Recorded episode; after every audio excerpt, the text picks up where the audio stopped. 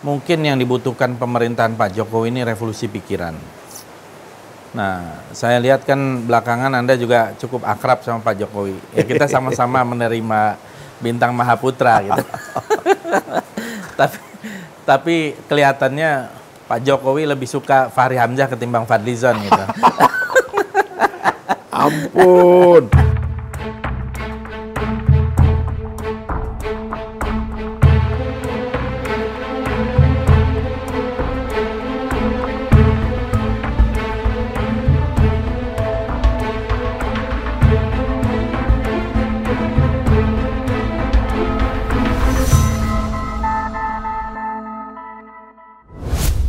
Assalamualaikum warahmatullahi wabarakatuh. Salam sejahtera.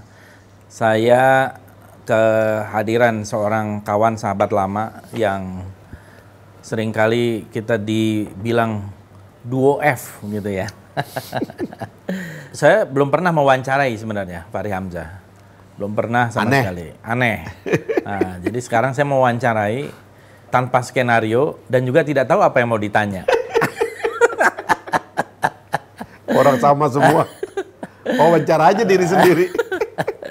Tapi kira-kira ini kita mulai dulu lah dengan yang paling aktual. Aduh. Ya, Yang paling aktual ini kan Fahri Hamzah dianggap eh, ada yang menganggap lah gitu ya.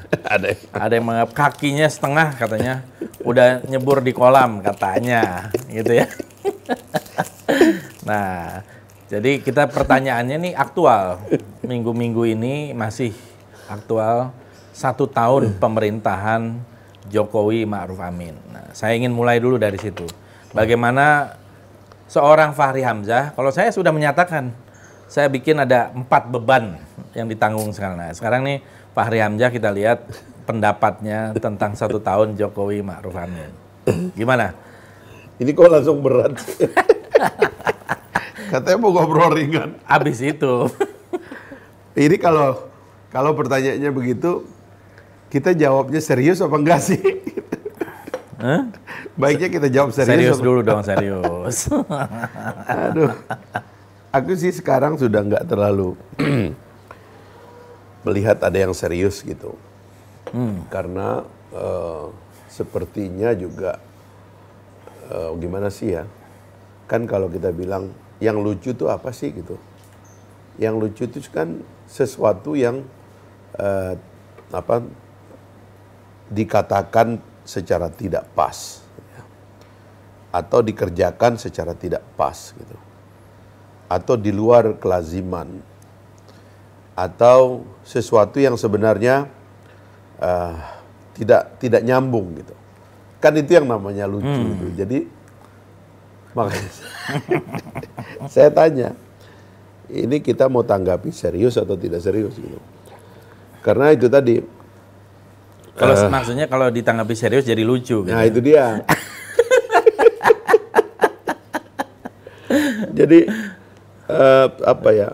eh, saya kan mengatakan dari awal waktu 100 hari juga saya sudah memberikan masukan yang komprehensif saya kira waktu 100 hari. Kan dan apa yang saya eh, prediksi 100 hari pada saat 100 hari ini sekarang setelah setahun artinya itu sekitar em, apa namanya eh, sembilan bulan yang lalu lah ya menurut saya sih eh, apa namanya terbukti gitu Hmm. Jadi waktu itu kan saya mengatakan Pak Jokowi itu adalah eh, presiden eh, periode terakhir. Bahkan saya mengatakan Jokowi itu beda dengan Donald Trump. Jadi Donald Trump itu memasuki eh, krisis ini dengan beban terpilih kembali yang berat sekali sehingga dia terpaksa menggunakan isu ini sebagai battlefield dia gitu loh. Dan karena mainstream itu adalah saintis, maka dia mengambil eh, isu ini dengan eh, apa namanya eh, protokol anti saintis gitu. Jadi dia melawan semua eh, apa namanya eh, tesis postulat ilmu pengetahuan tentang COVID ini. Nah sementara Pak Jokowi kan menghadapi krisis ini kan tanpa beban karena dia nggak ada isu pemilu lagi. Nah tapi sayangnya ini omongan saya eh, apa namanya sembilan bulan yang lalu belum ada kaitannya dengan COVID. Saya mengatakan Pak Jokowi itu eh, kalau dia berhasil rekonsiliasi saja, diteruskan begitu, sebagian besar dari beban masalahnya udah selesai. Ya, ya. Karena semua orang akan nolong dia, semua orang akan eh, apa namanya eh, beritikat untuk mensukseskan dia. Karena tidak akan menjadi kompetitor Karena lagi. tidak akan jadi kompetitor. Saya aja sekarang kan pikiran saya begitu. Ngapain kita lawan Pak Jokowi? Ya kan? Terutama karena kita juga bukan anggota DPR ya. Jadi tidak ada kewajiban untuk eh, apa eh, setiap hari memasang sikap kepada pemerintah. Kita kan punya banyak urusan lain kan, melihara bebek, melihara macam-macam kan. Melihara benur. Benar ya. Nggak harus melihara pemerintah gitu, nggak harus mau menanggapin. Tapi itu sudah saya katakan 9 bulan yang lalu bahwa ini pemerintah harusnya berjalan tanpa beban. Tapi saya nggak tahu yang pertama ini aja itu nggak diteruskan. Saya kira bukan Pak Jokowi yang tidak meneruskan. Jadi variabel politik di sekitar Pak Jokowi itu memang complicated ya. Dan eh, kepentingannya itu berbeda-beda dan bermacam-macam dan sebagian di antara kepentingannya atau mungkin sebagian besar itu tidak terkait dengan kepentingan Pak Jokowi sendiri gitu sebagai apa namanya pemimpin eh, politik dan pemimpin negara gitu.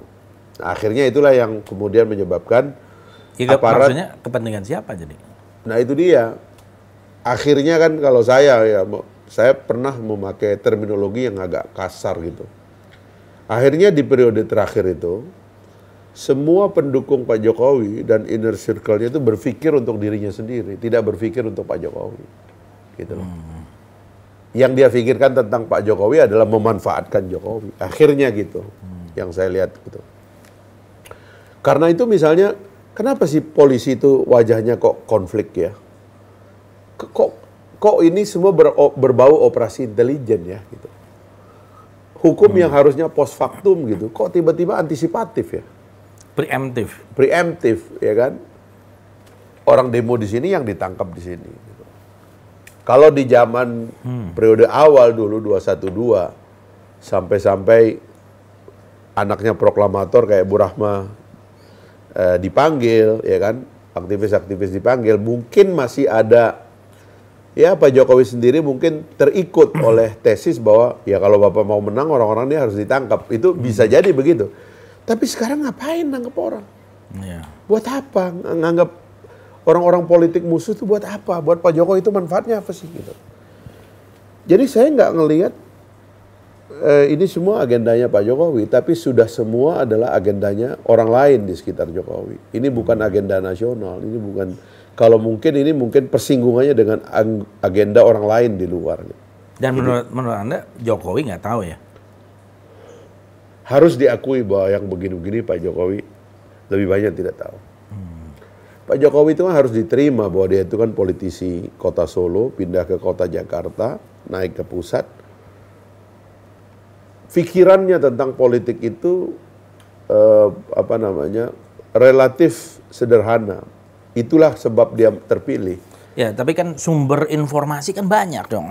Bisa dari institusi formal, dari intelijen. Intelijen aja banyak dari mulai BIN, dari ini kemudian orang sekitar dan sebagainya. Tapi Masa itu- Pak Jokowi nggak tahu? Tapi itu kan pengalaman ya. Artinya kan Pak Jokowi kan tidak tahu jenderal ini sebenarnya kepentingannya apa sih? Gitu misalnya kayak gitu kan. Atau ketua umum partai ini kepentingannya apa sebenarnya ya? Agenda ideologinya apa ya orang ini? Itu kan dia nggak dia nggak terbiasa membaca yang begitu. Nah itulah sebabnya kemudian ya gitulah yang terjadi. Jadi itu soal satu aja itu nggak diselesaikan gitu. Akhirnya konfliknya sampai hari ini. Pak Ma'ruf Amin, Pak Ma'ruf Amin ketua Majelis Ulama yang memproduksi peristiwa 212 dengan fatwanya itu sudah jadi wapres. Pak Prabowo itu lawannya dua periode, dua kali pertarungan sudah jadi Menteri Pertahanan, menteri-menteri yang lain juga diajak. Semua partai diajak. Nah, terus apa ini gitu loh? Kok kok masih ada yang begini gitu. Nah, itu kan menurut saya itu apa yang kita sebut sebagai narasi rekonsiliasi yang dia pidatukan pada saat dia dilantik terpilih gitu tidak ada yang mengoperate dan mungkin juga tidak mau dioperate karena problem dari rekonsiliasi itu kan kadang-kadang mengurangi biaya keributan gitu. Tapi kalau kita kacau itu biaya keributan itu adalah bisnis besar. Jadi menurut ente kira-kira yang perlu diajak rekonsiliasi siapa lagi? Sekarang bukan soal siapa lagi yang diajak rekonsiliasi. Pemerintahnya tidak terlalu memahami how how to run a hmm. reconciliation. Bagaimana cara kita reconcile bangsa itu enggak dari pilihan kosakatanya. Dari motif-motif berpikir dan bertindak pemerintahan gitu. Dari struktur yang dibentuk ya dalam tugas-tugas operasional pejabat itu tidak reconcile. Nah itu pertama yang waktu itu saya katakan. Yang kedua itu kabinet itu. Ini kalau kita serius ya, ini kan terpaksa serius. Gitu. Harus serius dong. yang kabinet ini kan dengan segala maaf, Pak Jokowi kan tidak tahu beda antara organisatoris, event organizer, flamboyan, ya kan, uh, orang cari kerjaan, dan lain-lain kan dia nggak tahu bedanya. Kok Anda bisa yakin, Re? Ente bisa yakin kenapa? Ya ada tugas berat dikasih ke orang yang sebenarnya tidak mampu, ya kan? Saya cukup mengatakan bahwa makanya saya pernah kategorikan gitu pemilihan anggota kabinet ini kira-kira tiga, gitu kan? Satu eh, profesional, ini yang paling sedikit nih. Yang kedua itu eh yang paling sedikit ini namanya comfort zone. Comfort zone. Itu yang paling sedikit. Merasa feel at home ya. Ya. Yang kedua itu profesional. Ini yang sedikit kedua. Hmm. Yang ketiga itu paling banyak itu titipan, gitu loh. Hmm.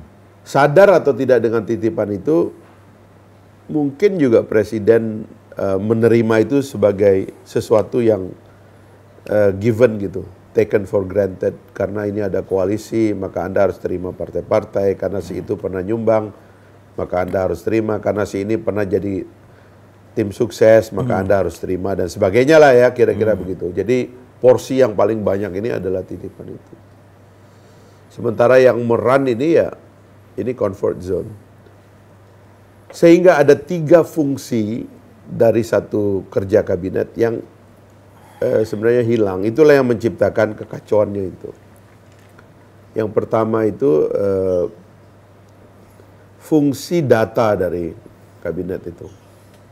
Saya tidak merasa presiden disuplai oleh data yang baik. Hmm. Gitu. Waktu presiden disuruh memadamkan kebakaran akibat omnibus law, itu banyak datanya yang kacau. Gitu. Jadi, Jadi bukan disiram sama air. Disiram Mungkin ada yang nyiram pakai bensin nah, ya. Itu. Jadi presiden itu uh, tidak punya akses data. Dalam menangani COVID, presiden tidak memiliki akses data yang baik. Ini yang pertama, dapurnya yang saya bilang, dapurnya problematik. Gitu. Kalau dapur problematik bahaya loh, ya kan? Iya. Masakannya itu bisa ada racun, kita bisa keracunan dan seterusnya dan seterusnya. Nah yang kedua ini operator operator itu memerlukan konsolidator yang uh, efektif. Nah, sayangnya konsolidator yang efektif tuh yang terdengar dan terlihat tuh namanya cuma Luhut Panjaitan. Hmm. Ya. Yang lain itu tidak nampak. Jadi Bang Luhut bisa dibilang the real presiden dong. Covid itu harusnya kan di bawah Menko Kesra. Tapi diambil oleh Pak Luhut. Ekonomi akhirnya dibawa harusnya dibawa Erlangga. Hmm. Tapi akhirnya dikoordinir oleh Pak Luhut.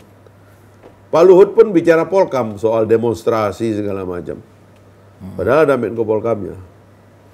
Jadi eh, Pak Luhut ini bisa dibilang koordinator para Menko, ya kan? Jadi ada menteri, ada Menko, ada koordinator ah, Menko. Koordinator Menko. Ini presiden, Ah. ya kan, koordinator Menko, baru Menko. Ini berarti setingkat perdana menteri lah kira-kira. Ya, kira-kira lah, lebih kurang. jadi eh, operator ini problematik, jadi dapur problematik, operator problematik. Nah, ada satu yang waktu Pak Ma'ruf terpilih, saya kan mengusulkan agar Pak Jokowi memfungsikan Pak Ma'ruf. Pak Ma'ruf ini adalah politisi kawakan. Iya, betul. Saya dulu waktu kita jadi anggota MPR dulu Pak Ma'ruf eh, anggota MPR juga eh, karena dia anggota DPR dari PKB zaman Gus Dur ada. Itu termasuk politisi kepercayaannya Gus Dur. Dia ngerti politik Indonesia meskipun dia kemudian jadi eh, ketua Majelis Ulama tapi dia itu pada dasarnya politisi. Ya, itu juga sebenarnya kita sadar atau tidak suka atau tidak itu yang menggiring dia di dalam politik. Jadi kalau menganggap Pak Ma'ruf itu nggak paham politik, salah kita. Ya, Dia salah. paham sekali. Paham, Nah, paham. Tetapi sekarang dengan usia, dengan posisi terakhirnya sebagai ketua majelis ulama, dia harusnya adalah penasehat bagi satu pemerintahan yang bersikap tenang, confident, percaya diri, terarah, mantap gitu. Itu yang saya tidak lihat gitu. Jadi kalau ketiga fungsi ini di dalam pemerintahan tidak ada ya tinggal kita nunggu letupan-letupan terus. Ada demo, kontroversi, presiden diturunin untuk pemadam kebakaran. Ada masalah, presiden nanti. Jadi the system is not apa nama set up to handle the root of the problem gitu. Jadi jadi misalnya kontroversi, ya tugas penjuru bicaraan misalnya. Penjuru bicaraan itu adalah ujung dari satu proses riset dan akumulasi data yang akurat sehingga ketika pembicaraan penjuru bicaraan dilakukan Tidak boleh salah. tidak boleh salah dan itu menjadi sumber dari konvers- konfirmasi kebenaran data pemerintah. Iya. Jadi ini tidak yang terjadi, malah penjuru bicaraan menjadi awal dari kontroversi karena datanya salah. Penjuru bicaraan memicu konflik, ya kan? Karena tidak tepat cara mengucapkannya gitu loh. Undang-undang Omnibus itu kan sudah peristiwa 9 bulan, 10 bulan yang lalu. Sudah masuk ke dalam prolegnas. Lu kenapa nggak diantisipasi bahwa ini akan meledak? Ini poin-poin ini harus dikampanyekan dari awal, masuk TV, dikampanyekan sehingga semua orang namanya undang-undang bagus. Cipta lapangan kerja, siapa yang nggak mau kerja? Siapa yang nggak mau penciptaan tenaga kerja, apa, apa, peluang kerja, kesempatan kerja? Katanya membela UKM, UKM mana yang nggak suka kalau dia nggak perlu Betul-betul bayar kalau terbela. izin? Hmm. Semua maksudnya baik, tapi kan seperti puisi Rendra yang anda baca itu maksud saudara, maksud baik saudara untuk siapa? Anda berada di pihak yang mana? Ini enggak ada. Nah itu sebenarnya esensi dari satu proses di sekitar pemerintahan untuk uh, memperbaiki apa namanya uh, image pemerintah uh, di masyarakat gitu loh. Karena sebenarnya pekerjaan itu pekerjaan gampang di Indonesia ini pada dasarnya pemimpin itu dinilai lebih oleh rakyat, selalu diberikan kelebihan. Orang itu tidak mau underestimate terhadap pemerintah. Kita ini kaum intelektual dapat inter, underestimate kepada pemimpin, kepada negara, kepada pemerintah, tapi rakyat tidak. Mereka selalu meletakkan pemerintah itu lebih. Makanya kalau ngomong tuh rakyat dengar. Hmm. Nah ini kan kita dulu aja waktu zaman kita aktivis kan kita sama-sama aktivis. Mungkin saya lebih dulu aktivisnya, habis itu menghilang kalau Bro Fahri ini kayaknya belajar dulu baru jadi aktivis di ujung. Kemudian baru menjadi pejabat gitu. Nah, kalau di zaman mahasiswa dulu kita kan sering tuh diskusi mahasiswa itu. Ini persoalan kita itu ada di figur atau pada sistem. Kan selalu tuh Ya, diskusi klasik gitu. ya. Berada figurnya yang salah. Orang yang sa- yang dipilih ini yang salah atau memang sistemnya yang salah. Ini yang selalu menjadi seolah-olah dikotomis gitu. Nah, mungkin untuk menyegarkan kembali terhadap situasi kini menurut Anda gimana nih, Bro Fahri? Sistemnya sudah berubah. Artinya dengan dengan Pak Jokowi ini ya. Ya kan sistemnya kan sudah berubah. Itu yang saya sering mengatakan kemungkinan eh, bangsa kita itu mengidap semacam penyakit eh, amnesia begitu. kita lupa terhadap apa yang sebenarnya di mana kita lagi berada, apa yang sebenarnya sedang terjadi dan kita mau ke mana gitu. Itu semacam amnesia terhadap sejarah. Jadi eh, sistemnya sudah berubah. Rezim otoriter kita tolak, muncul rezim reformasi. Seluruh apa namanya eh, dokumen yang menjadi fondasi bagi munculnya negara, apakah dia menjadi negara otoriter atau negara demokrasi, itu sudah dirombak. Yang utama adalah konstitusinya. Ya. Dari 199 ketentuan yang ada di dalam konstitusi kita itu, hanya 12 persen ketentuannya itu baru. He, hanya 12 persen Yang lama. ketentuan lama. 88 persen itu ketentuan baru. Inilah yang kemudian mengubah eh, pandangan seluruh dunia terhadap Indonesia bahwa ini rezimnya sekarang adalah rezim or- apa namanya rezim orde reformasi atau rezim demokrasi gitu. Itu di celebrate apa selebrasi oleh seluruh dunia. Welcome to a new democratic nation. Kira-kira gitu. Ini karena fondasinya kita rubah. Jadi sistemnya berubah. Karena sistem itu kan ada tiga. Satu yang tertulis, kedua yang berdiri di atas tulisan itu sebagai lembaga atau institusi, dan yang ketiga adalah manusia yang memimpinnya gitu. Kan tiga itu kira-kira. Nah, jadi yang pertama ini udah dirubah. Di atas ini kita lahirkan ratusan undang-undang dan institusi yang menyebabkan apa apa yang disebabkan oleh lahirnya undang-undang itu itu. Poli, TNI kita rombak Polri kita rombak ya kan? Eh, birokrasi kita rombak ya kan?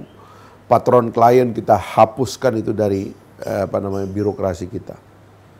Nah baru kemudian manusianya yaitu birokrat dan eh, li- political leadershipnya gitu Nah kita udah robah itu pada dua level ini, tetapi manusianya itu kan harus terus catch up dia dengan perubahan.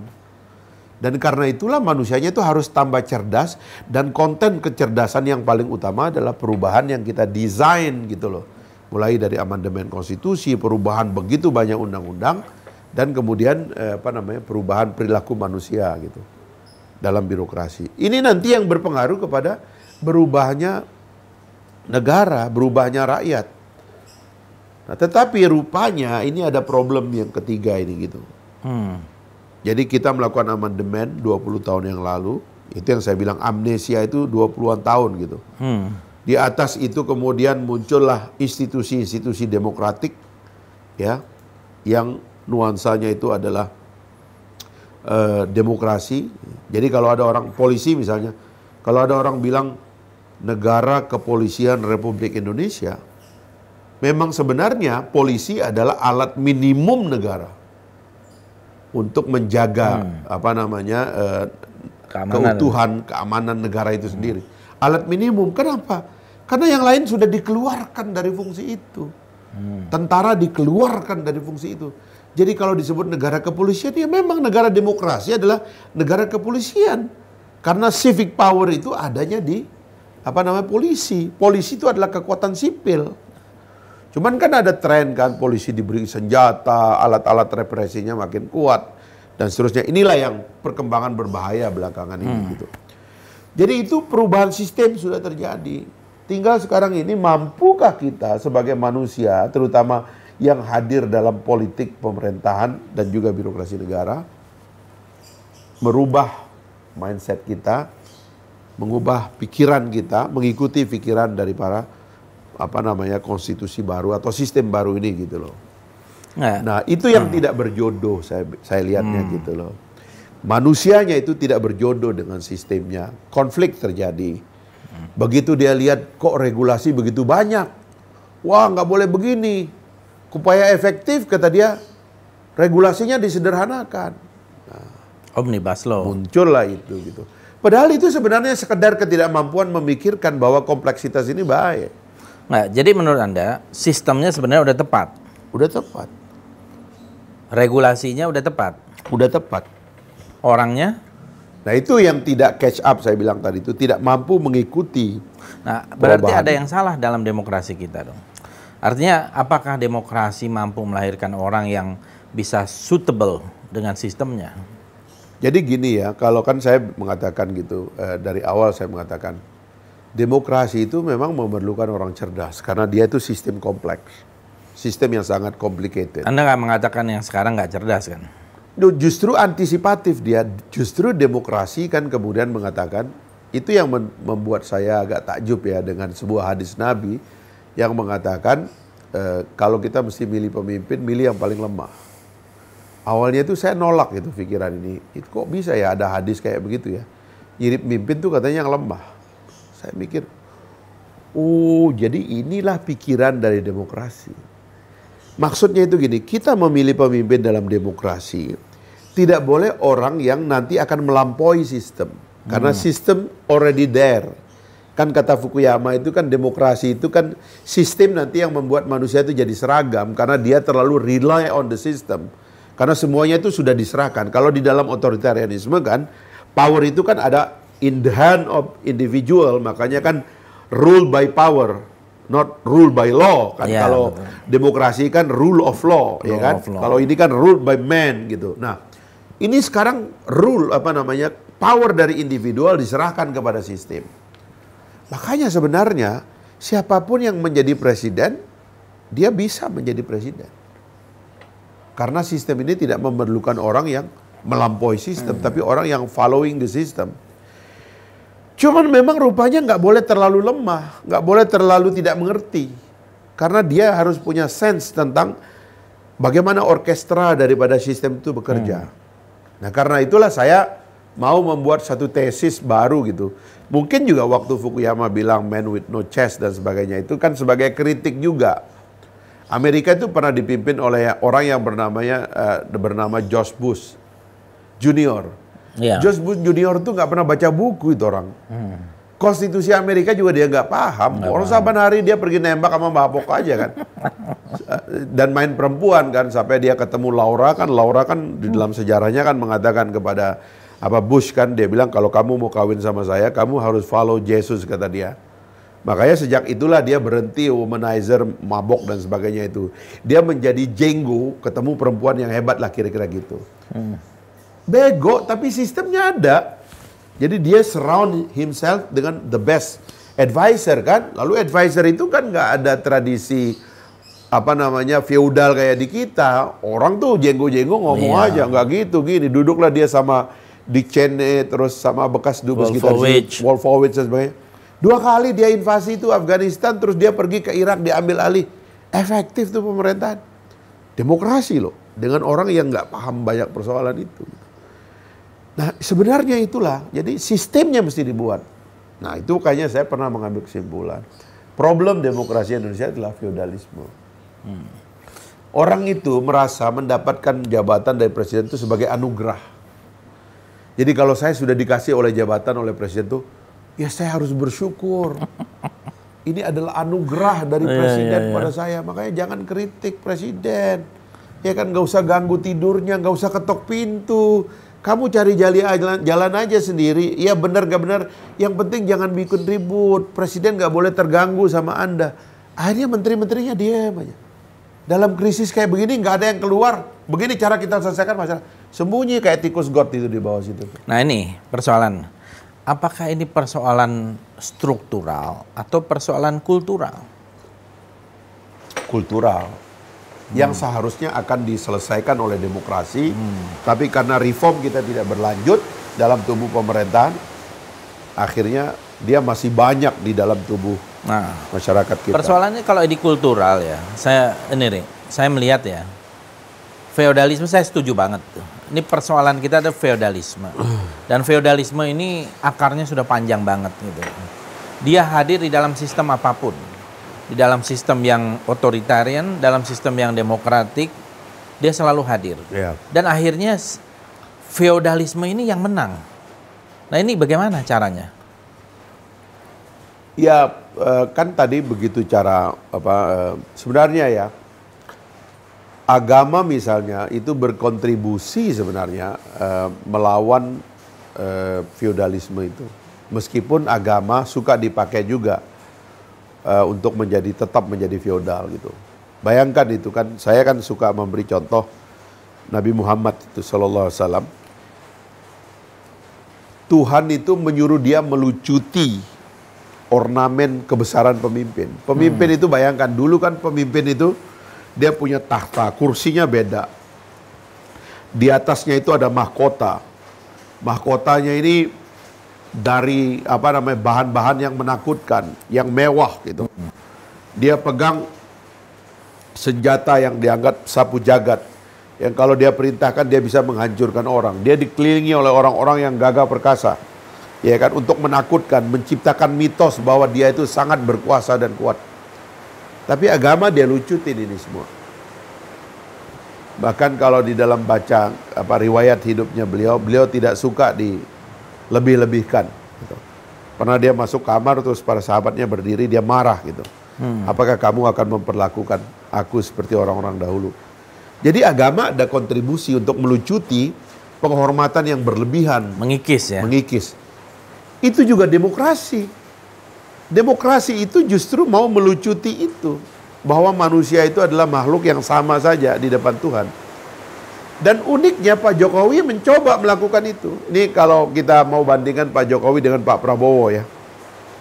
Bos, bos Anda ya. Pak Prabowo itu kan punya image tentara. Sehingga kadang-kadang suka tidak suka image itu juga masih melekat, susah dihindari. Apalagi sekarang dia apa mimpin Kementerian Pertahanan. Di situ ada atribut. Dan hmm. atribut kemiliteran itu adalah atribut dasar sebagai sumber dari power itu, senjata itu. Senjata itu kan sumber dari legitimasi power. Ya, karena siapa yang punya senjata yang paling kuat, dialah yang memimpin. Kan hmm. dalam kisah raja-raja zaman dahulu, siapa yang merebut senjata itu, dialah yang menjadi raja kan. Itu militer itu. Pak Jokowi enggak. Dia pakai baju putih, dia pakai apa namanya apa eh, eh, sepatu cat gitu kan. Cat. Dan dengan segala maaf ya udah memang, ada harganya kan. Ini seratus ribu. sepatu seratus ribu. Ada tuh posternya nanti saya cari. Ada posternya itu. Jadi dia lucuti itu, dia ah. coba lucuti itu. Tapi pertanyaannya apakah sistem feodal atau feodalisme hilang? Tidak. Apabila feodalisme itu melekat pada orang lain di sekitarnya, itu berbahaya sekali. Dan itu terjadi sampai sekarang. Itu adalah tantangan bagi demokrasi kita ke depan. Iya, jadi saya sependapat ya bahwa feodalisme ini tantangan besar kita dan ternyata dan terbukti lah bahkan di dalam Indonesia sekarang 75 tahun itu berganti-ganti. Mungkin kalau kita kembali sejarah nih, dulu kita pernah mempunyai satu pemerintahan parlementer. Ya. Ya walaupun undang-undang dasarnya sama, tapi prakteknya ternyata adalah parlementer. Di awal tiga bulan sebentar, kemudian ada kabinet Sahrir 1, Sahrir 2 dan sebagainya. Kemudian diteruskan ada jeda sedikit di RIS tapi sepanjang tahun 50-an sampai tahun 59 ya, kita melihat jatuh bangun kabinet parlementer di zaman itu. Ini juga satu pertanyaan. Apakah feodalisme tidak melekat di situ? Kan kalau saya lihat presiden sebagai simbol di situ. Padahal ya memang undang-undang dasarnya berbeda ya. Waktu itu sempat dipakai undang-undang dasar sementara tahun 50 ya. Yang mungkin lebih bebas. Maksudnya itu lebih lebih egaliter ya, uh, dibanding itu karena itu udah termasuk banyak masukan-masukan lain ketika itu. Nah, maksud saya gini, apakah sistem presidensil memberikan satu apa taman juga ini atau memberikan satu circumstances yang baik sehingga feodalisme itu terus tumbuh dan berkembang. Nah, apakah di dalam sistem parlementer tidak ada? Ini saya mau challenge saja gitu Apakah jangan-jangan justru sistem presidensil ini karena kekuatan di tangan satu orang, seorang yang namanya presiden, ini membuat justru feodalisme ini menjamur. Dan akhirnya mau tidak mau orang akan menghamba. Ya, menteri-menteri ya harus takluk, harus membawa berita baik, harus semuanya beres, semua beres. Hmm. akhirnya dulu di zaman Bung Karno ada istilah asal Bapak senang. Ada lagunya malah. ABS itu ada lagunya. Nah, ternyata nggak berubah tuh sampai sekarang. Sudah dulu ada perjuangan yang namanya reformasi termasuk yang Anda pimpin dulu, ya sama aja akhirnya. Nah, ini juga pertanyaan, apakah bukan sistemnya yang mungkin perlu dipertimbangkan? Ya, kalau pendulumnya kan gini. Dari pengalaman kita, eh, sebenarnya dilihat dari besarnya eh, negara, negara kita ini, eh, negara kita ini harus dikelola dengan otonomi yang lebih luas. Ada orang yang menyebut otonomi itu sebagai federasi, gitu. Tapi kita sudah punya otonomi daerah, bahkan hmm. ada otonomi tingkat tiga sekarang dengan berlakunya Undang-Undang Nomor 14 tahun eh, Undang-Undang Nomor 6 tahun 2014 tentang desa itu sekarang kita punya otonomi yeah. di tingkat desa. Jadi eh, pendulumnya itu adalah eh, otonomi lah kita anggap begitu. Tapi memang eh, kalau bicara sistem gitu ya, otonomi itu sebenarnya berbau parlamentarisme gitu. Hmm. Karena itu nanti akan menyebabkan eh, kunci daripada pemilihan eh, wakilnya itu atau pemilihan pemimpin itu ada pada pemilihan legislatif. Hmm. Legislatif lah yang membentuk eksekutif gitu. Jadi betul-betul representasi. Banyak orang mengatakan ya Anda punya akar di Sumatera, saya Sumbawa mengatakan ini dianggap lebih menguntungkan kelompok-kelompok uh, luar Jawa. Kenapa? Karena dengan cara seperti itu apabila politisi yang memilih uh, pemimpin dalam hal ini perdana menteri gitu dengan koalisi besar, maka peluang terpilih dari orang di luar Jawa itu katanya akan lebih besar. Ini pendulum pertama. Nah, pendulum kedua yang mengatakan bahwa uh, kita ini negara kesatuan, itu udah final, ya kan, dianggapnya itu. Karena dia negara kesatuan, maka yang kita perkuat adalah uh, presidensialisme.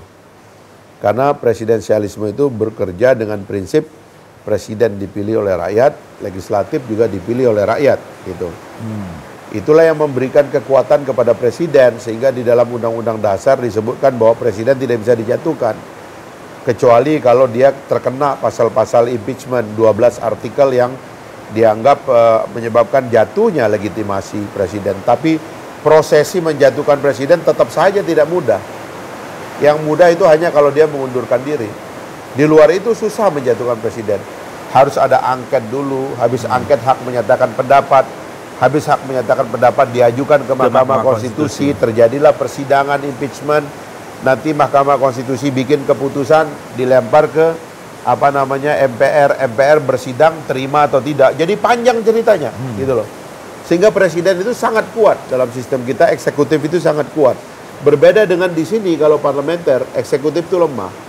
Di sini bisa menciptakan instabilitas kata apa para pengkritiknya, tapi bagi yang menjawab mengatakan di sini menciptakan keadilan wilayah dan eh, apa namanya demokratisasi yang dicepat dipercepat. Ekstrim eksperimen kita dengan undang-undang dasar sementara dan eh, apa namanya eh, politik parlementer yang liberal tahun 50-an ya memang orang bisa bilang eh, terlalu cepat pemerintahan jatuh ya kan. Natsir itu cuma enam bulan kalau nggak salah Syahrir pernah ada yang cuma berapa bulan begitu. Nah sekarang kita udah ada di sini nih, gitu. Orang lagi mencari apakah ini ada titik tengahnya gitu. Kalau saya menganggap nggak usah titik tengah namanya, interpretasi aja ini. Ini udah bagus sistem presidensialisme karena di sini kita ada otonomi. Tapi tolong berikan otonomi itu sepenuh hati. Hmm. Jangan otonomi itu apa namanya eh, sekedar pemanis. Seperti yang terjadi sekarang ini dengan Omnibus Law, otonomi daerah mau dicabut lagi. Murni karena tidak paham bagaimana sistem ini bekerja. Trauma dengan sistem ini lari ke sini, tapi ini pun gagal kita interpretasi. Hmm. Gimana cara kerjanya gitu. Nah, saya kira itu yang memerlukan pikiran besar itu di sini. Gitu. Jadi saya menerima ini sudah final, kita terima ini gitu. Kalau ada amandemen sekali lagi, saya mengusulkan amandemen kelima yang kita perlu lakukan justru perkuat presidensialisme yang berefek kepada otonomi tentunya. Yang kedua itu eh, perkuat posisi DPD sebagai perwakilan daerah. Itu saya mengusulkan itu supaya diperkuat.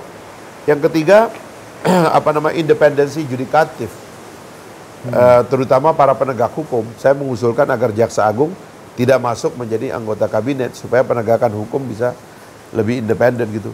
Itu aja saya kira udah sempurna. Artinya benar-benar trias politika yang memisahkan yang ya. tidak ada banyak irisan gitu ya. Trias politika yang sesungguh yang sungguh-sungguh hati gitu. Karena kalau kan gini ya, dari semua cabang kekuasaan yang paling mungkin kumat itu eksekutif.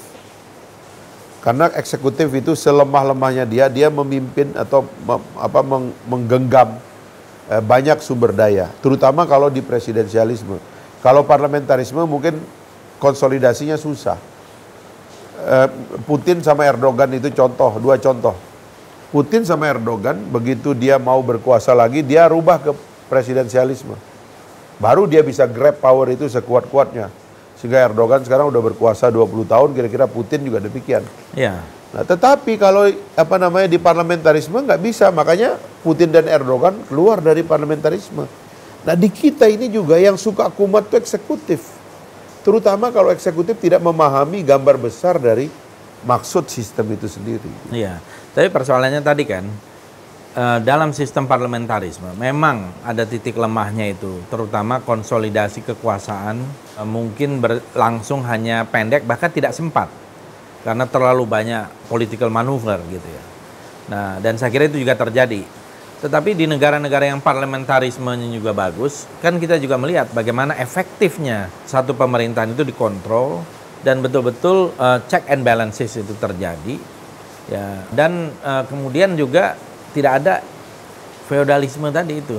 Karena semua merasa bagian yang berkedudukan sama di mata hukum dan pemerintahan gitu. Nah, ini yang yang saya kira pendulumnya tadi Anda mengatakan itu adalah otonomi kan Ya kalau, kalau tadi saya mau jawab sedikit yang soal feodalisme. Kalau di sini feodalisme itu dilempar kepada negara, gitu. Hmm. Jadi dalam tradisi Inggris, tradisi kerajaannya itu hmm. diambil sebagai head of state. Yeah. Gitu. Ratu Elizabeth itu adalah head of state. Hmm. Tapi head of the government itu diambil oleh demokrasi parlementer kebetulan. Nah di kita ini memang ada problem karena head of state itu adalah presiden, head of the government itu juga adalah presiden. Sehingga kadang-kadang itu bercampur antara kekuatan feudal presiden itu dengan head of government, kekuatan rasional dia bahwa dia memimpin dan kinerjanya dievaluasi hari-hari. Hmm. Kalau orang ngeritik presiden, dia bilang itu simbol negara, itu jangan diganggu. Itu menggunakan instrumen feodalisme dalam power presiden untuk membungkam rakyat gitu. Nah, itu problem. Ya, itu problem betul. Karena tidak ada pemisahan ya. Nah, sekarang nih kembali kepada tadi negara kepolisian. Ya. Jadi Anda menyampaikan soal itu. Saya melihat gini. Kita ada semangat waktu itu memang memisahkan atau sebetulnya semangatnya adalah menghapuskan fungsi ABRI kan. Karena ABRI dianggap yang sekarang menjadi TNI waktu itu ikut terlalu dalam di dalam persoalan-persoalan sipil dan politik ada ikut di dalam partai politik, ada azas penugas karyaan dan sebagainya. Nah, tetapi sekarang ekspektasi orang setelah dipisah dan seharusnya kemudian tidak ada lagi institusi yang ikut tercampur terlalu dalam, yang dikritik adalah kepolisian.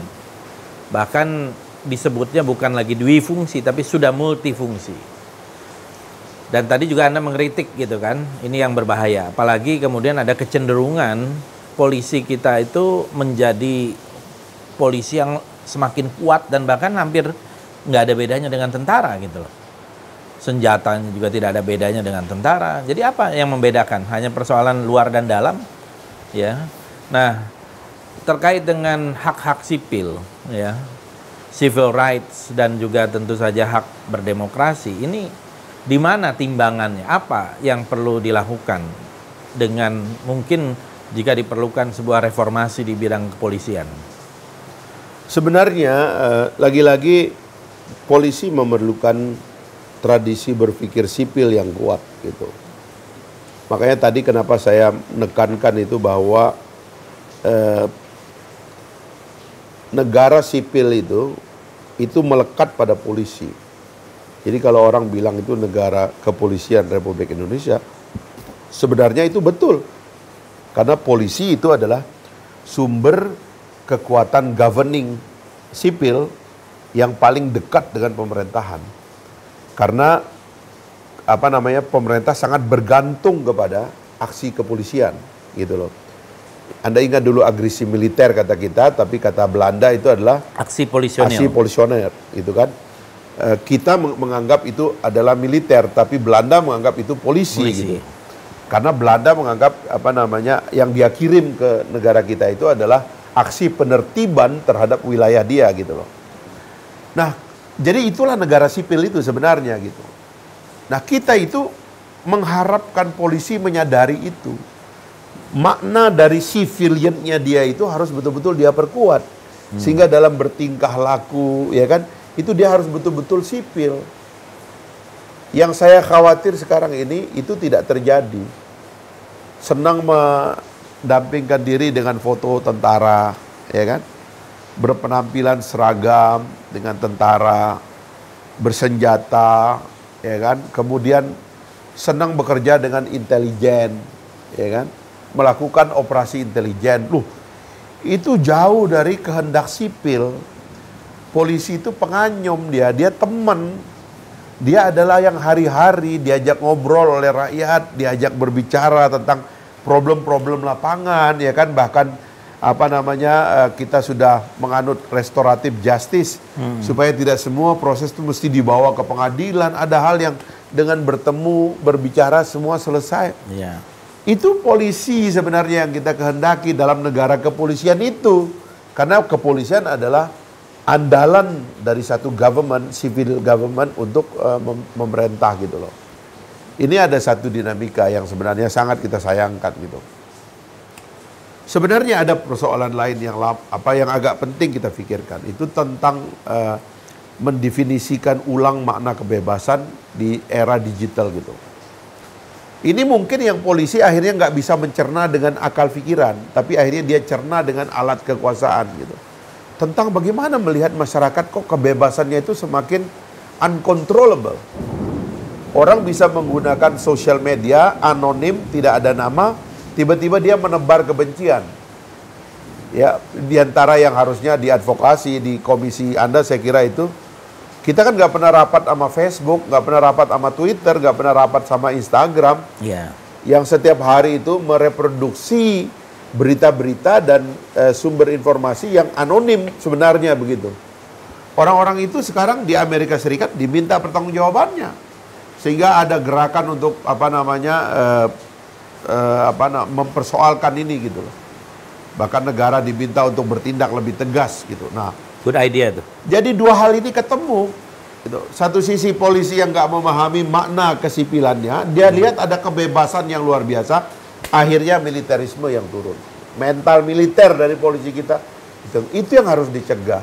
Kita harus memahami fenomena kekinian dari dunia ini dengan kebebasan dan kompleksitas yang ada sekarang ini, dengan tetap dengan akal yang dingin. Nggak boleh dengan senjata, itu berbahaya. Ya artinya apakah memang polisi ini ya tentu punya senjata kan boleh. Tapi sampai di mana kan begitu, yeah. termasuk penggunaan. Saya lihat ya dalam berbagai demonstrasi di Inggris dulu, waktu melawan invasi Amerika dan Inggris juga, itu sampai apa hampir 2 juta orang di London. Saya masih ingat sekitar tanggal 15 Maret tahun 2003 ya.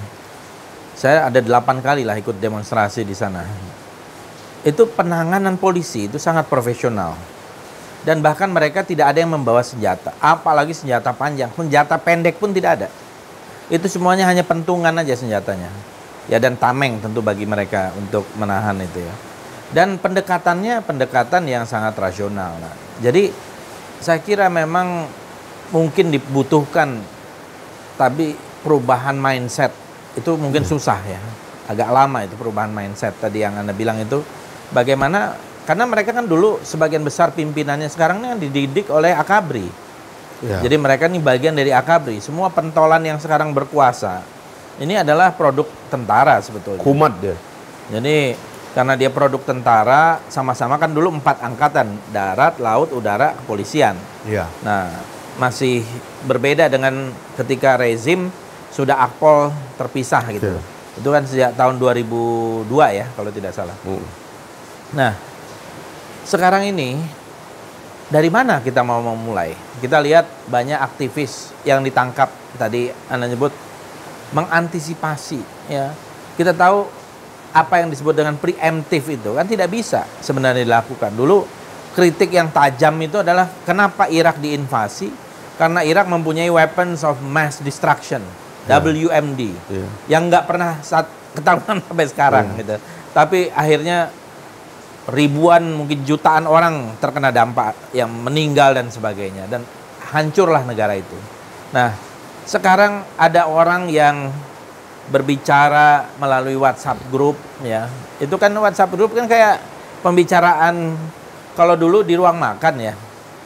Di ruang makan Ya. lagi ngobrol sambil makan, sekarang tiba-tiba pembicaraan itu bisa disadap dan kemudian orangnya bisa bisa diambil. Iya. Nah, ini yang menurut saya ya apa yang terkena kepada Syahganda, Jumur Hidayat dan kawan-kawan. Ini juga mungkin menurut Anda gimana? Dari mana mau dimulai lagi? Saya kira aturan-aturan saja kan udah banyak ditabrak. Undang-undang ITE kan maksudnya bukan ini. Iya. Undang-undang ITE kan maksudnya transaksi elektronik. Jadi lebih kepada e-commerce sebenarnya gitu. Iya. Dari mana menurut Anda dimulai? Ya, eh, negara itu tetap yang paling utama adalah memerlukan eh, apa namanya pencerahan ide. Atau ide-ide pencerah supaya dia kembali memahami eh, kenapa kita berada di sini eh, dan kita mau ke mana setelah ini gitu. Dan itu yang kurang sekarang ini. Ya.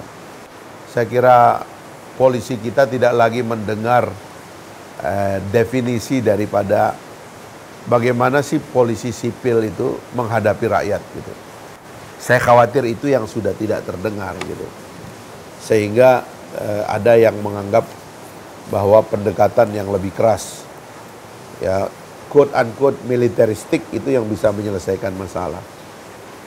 Di Amerika Serikat itu sejak Donald Trump itu memang malas eh, karena memang dia tidak paham bukan malas ya, dia tidak punya konten democratic ideas. Jadi dia nggak pernah bicara tentang di apa namanya American Dream dalam pengertian bahwa Amerika itu negara liberal ya kan yang memimpikan ide-ide demokrasi, human right dan sebagainya. Life, Itu liberty, and the pursuit of Ya, the happiness. pursuit of happiness. Itu yang menciptakan kemudian polisi yang juga rupanya tidak toleran di bawah. Bukan cuma polisi, rakyat juga jadi tidak toleran. Eh, muncul white suprem- supremacist yang luar biasa, ada Islamophobia dan sebagainya begitu. Akibatnya apa? Itu ada gerakan besar sekarang namanya defund the police, ya, menghentikan anggaran polisi. Gitu. Jadi Amerika saja itu champion of democracy ini melihat di depan mata kepala mereka sendiri bahwa polisi terseret kembali untuk menggunakan instrumen kekerasan yang eh, diberikan kepada mereka gitu. Karena kan itu kan lahirnya polisi kan logikanya kan gitu. Ya. Polisi itu adalah eh, apa namanya? eh, manifestasi dari kelahiran konsepsi negara modern itu. Karena pada awalnya orang datang ke pasar bertransaksi bawa alat keamanannya masing-masing, lalu di pasar itu terlalu ramai dengan pengamanan, muncullah ide polis yang mengatakan udahlah kalau gitu pengamanan kalian dibawa aja keluar, yang datang itu hanya yang bertransaksi, nanti kami aja yang menyiapkan. Nah, polis itu kota, kota lah yang kemudian menyiapkan polisi. Sehingga polisi itu sebetulnya berdiri di luar dia untuk melihat apa yang terjadi di dalam. Nah ini sekarang makanya polisi dalam perspektif civilian maksimal yang dia bawa itu pentungan. Iya. Karena itu hanya sekedar untuk melawan aksi kekerasan yang ada pada dia yang kemungkinan atau sedikit memaksa orang ya ditekan atau diarahkan begitu. Ini sekarang tidak, semuanya membawa senjata. Dan senjata laras panjang. Senjata laras panjang dan itu yang kemudian secara sadar atau tidak menyeret mereka untuk bertindak militeristik menggunakan senjata gitu. Jadi saya kira polisi memerlukan ide, tetapi secara keseluruhan transisi kita ini memerlukan pikiran besar. Dan itulah yang saya sedang introduksi dengan teman-teman gitu. Indonesia memerlukan semacam uh, apa banting setir arah gitu. Dari uh, apa namanya? absennya pikiran-pikiran besar setelah 20 tahun reformasi ini, pikiran besar itu harus dihadirkan kembali. Jadi kita memerlukan semacam strategic discourse. Orang kayak Rocky dan teman-teman intelektual tuh daripada dia hari-hari apa namanya uh, berbenturan gitu dengan yang realitas yang tidak rasional ini menurut saya ya kita memerlukan pikiran yang uh, apa namanya arahnya adalah konsolidasi power. Karena kita tidak punya cara lain. Rezim harus diganti secara damai melalui proses pemilu. Iya iya. Nah, saya setuju bahwa pergantian yang konstitusional dan demokratik itu yang yang diperlukan gitu. Memang itu mungkin bagi sebagian orang yang terkena dampak dari tindakan-tindakan brutal anarkis itu menjadi satu pilihan yang sulit karena orang sekarang ada yang teriak-teriak revolusi dan sebagainya itu apalagi di dalam demo-demo yang terakhir. Nah, saya khawatir gitu pada satu saat orang mengalami distrust, ketidakpercayaan kepada semuanya gitu. Dan tidak ada lagi social cohesion. Saya saya masih merasa ya bahwa negara kesatuan yang Anda bilang final tadi itu pada satu masa akan menjadi satu pertanyaan besar. Apakah memang negara kesatuan ini bisa mengantarkan rakyat Indonesia ke depan pintu gerbang kemerdekaan yang sesungguhnya, yaitu mencapai cita-cita kemerdekaan sendiri untuk kebahagiaan rakyat, kesejahteraan rakyat, dan kebebasan maupun kedamaian. Kenyataannya termasuk apa yang terjadi sekarang dengan omnibus law, kesenjangan yang terjadi kan makin luas, Farid. Nah, apakah negara kesatuan ini memang bisa mengantar ke situ atau ada yang juga mengatakan jangan-jangan justru negara federasi bisa menjadi satu jawaban ke, terhadap sebuah keadilan keadilan sosial, pemerataan, ya, dan juga memperkecil kesenjangan itu. Karena kita mengalami satu proses itu dan kita pernah menjadi juga negara Republik Indonesia Serikat kan. Gimana menurut Anda? Kita memerlukan masa-masa berpikir yang tenang, yang dingin gitu. Sebab sebaiknya perubahan besar di Indonesia itu harus didrive oleh revolusi pikiran, bukan revolusi fisik. Hmm. Dan saya masih terus berdoa, berharap mudah-mudahan waktu kita untuk berpikir tenang dan dingin itu ada di depan kita. Sehingga kita tidak harus melakukan perubahan dalam satu revolusi fisik yang akan mendatangkan korban dan melelahkan. Itu doa terakhir saya bagi Indonesia. Sebab uh, harusnya setelah kita meletakkan fondasi dari demokrasi 20 tahun yang lalu, semua orang harus menikmati iklim yang kita punya ini dan tidak merusak iklim itu dengan bertindak berlebihan gitu. Hmm. Baik yang menjadi rakyat, yang menjadi pasar atau yang menjadi negara gitu. Harusnya dia ada dalam porsi yang benar gitu. Itu yang saya tidak lihat gitu. Saya nggak tahu ya ber, mau berharap kepada siapa. Di dalam pemerintahan sendiri saya nggak lihat tuh ada pikiran besar.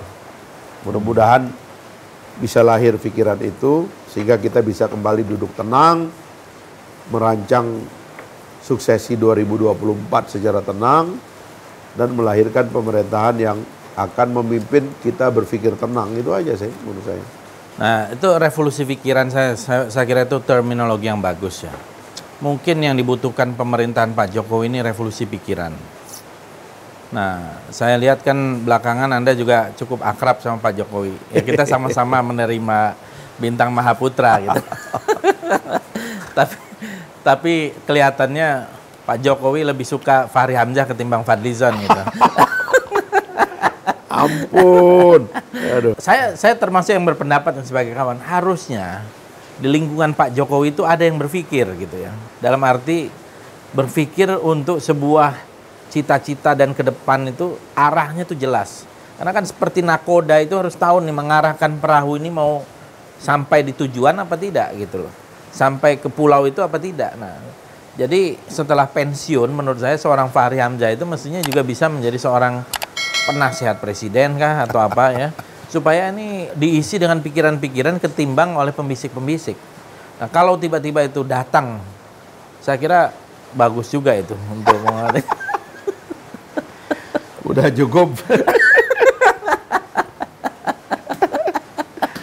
cukup, cukup, cukup, cukup berat. Makin lama makin mengarah ini. Aduh. Oke, itu Iya, iya. jawaban tadi itu itu artinya bisa iya, bisa tidak. Terima kasih. Wassalamualaikum warahmatullahi wabarakatuh.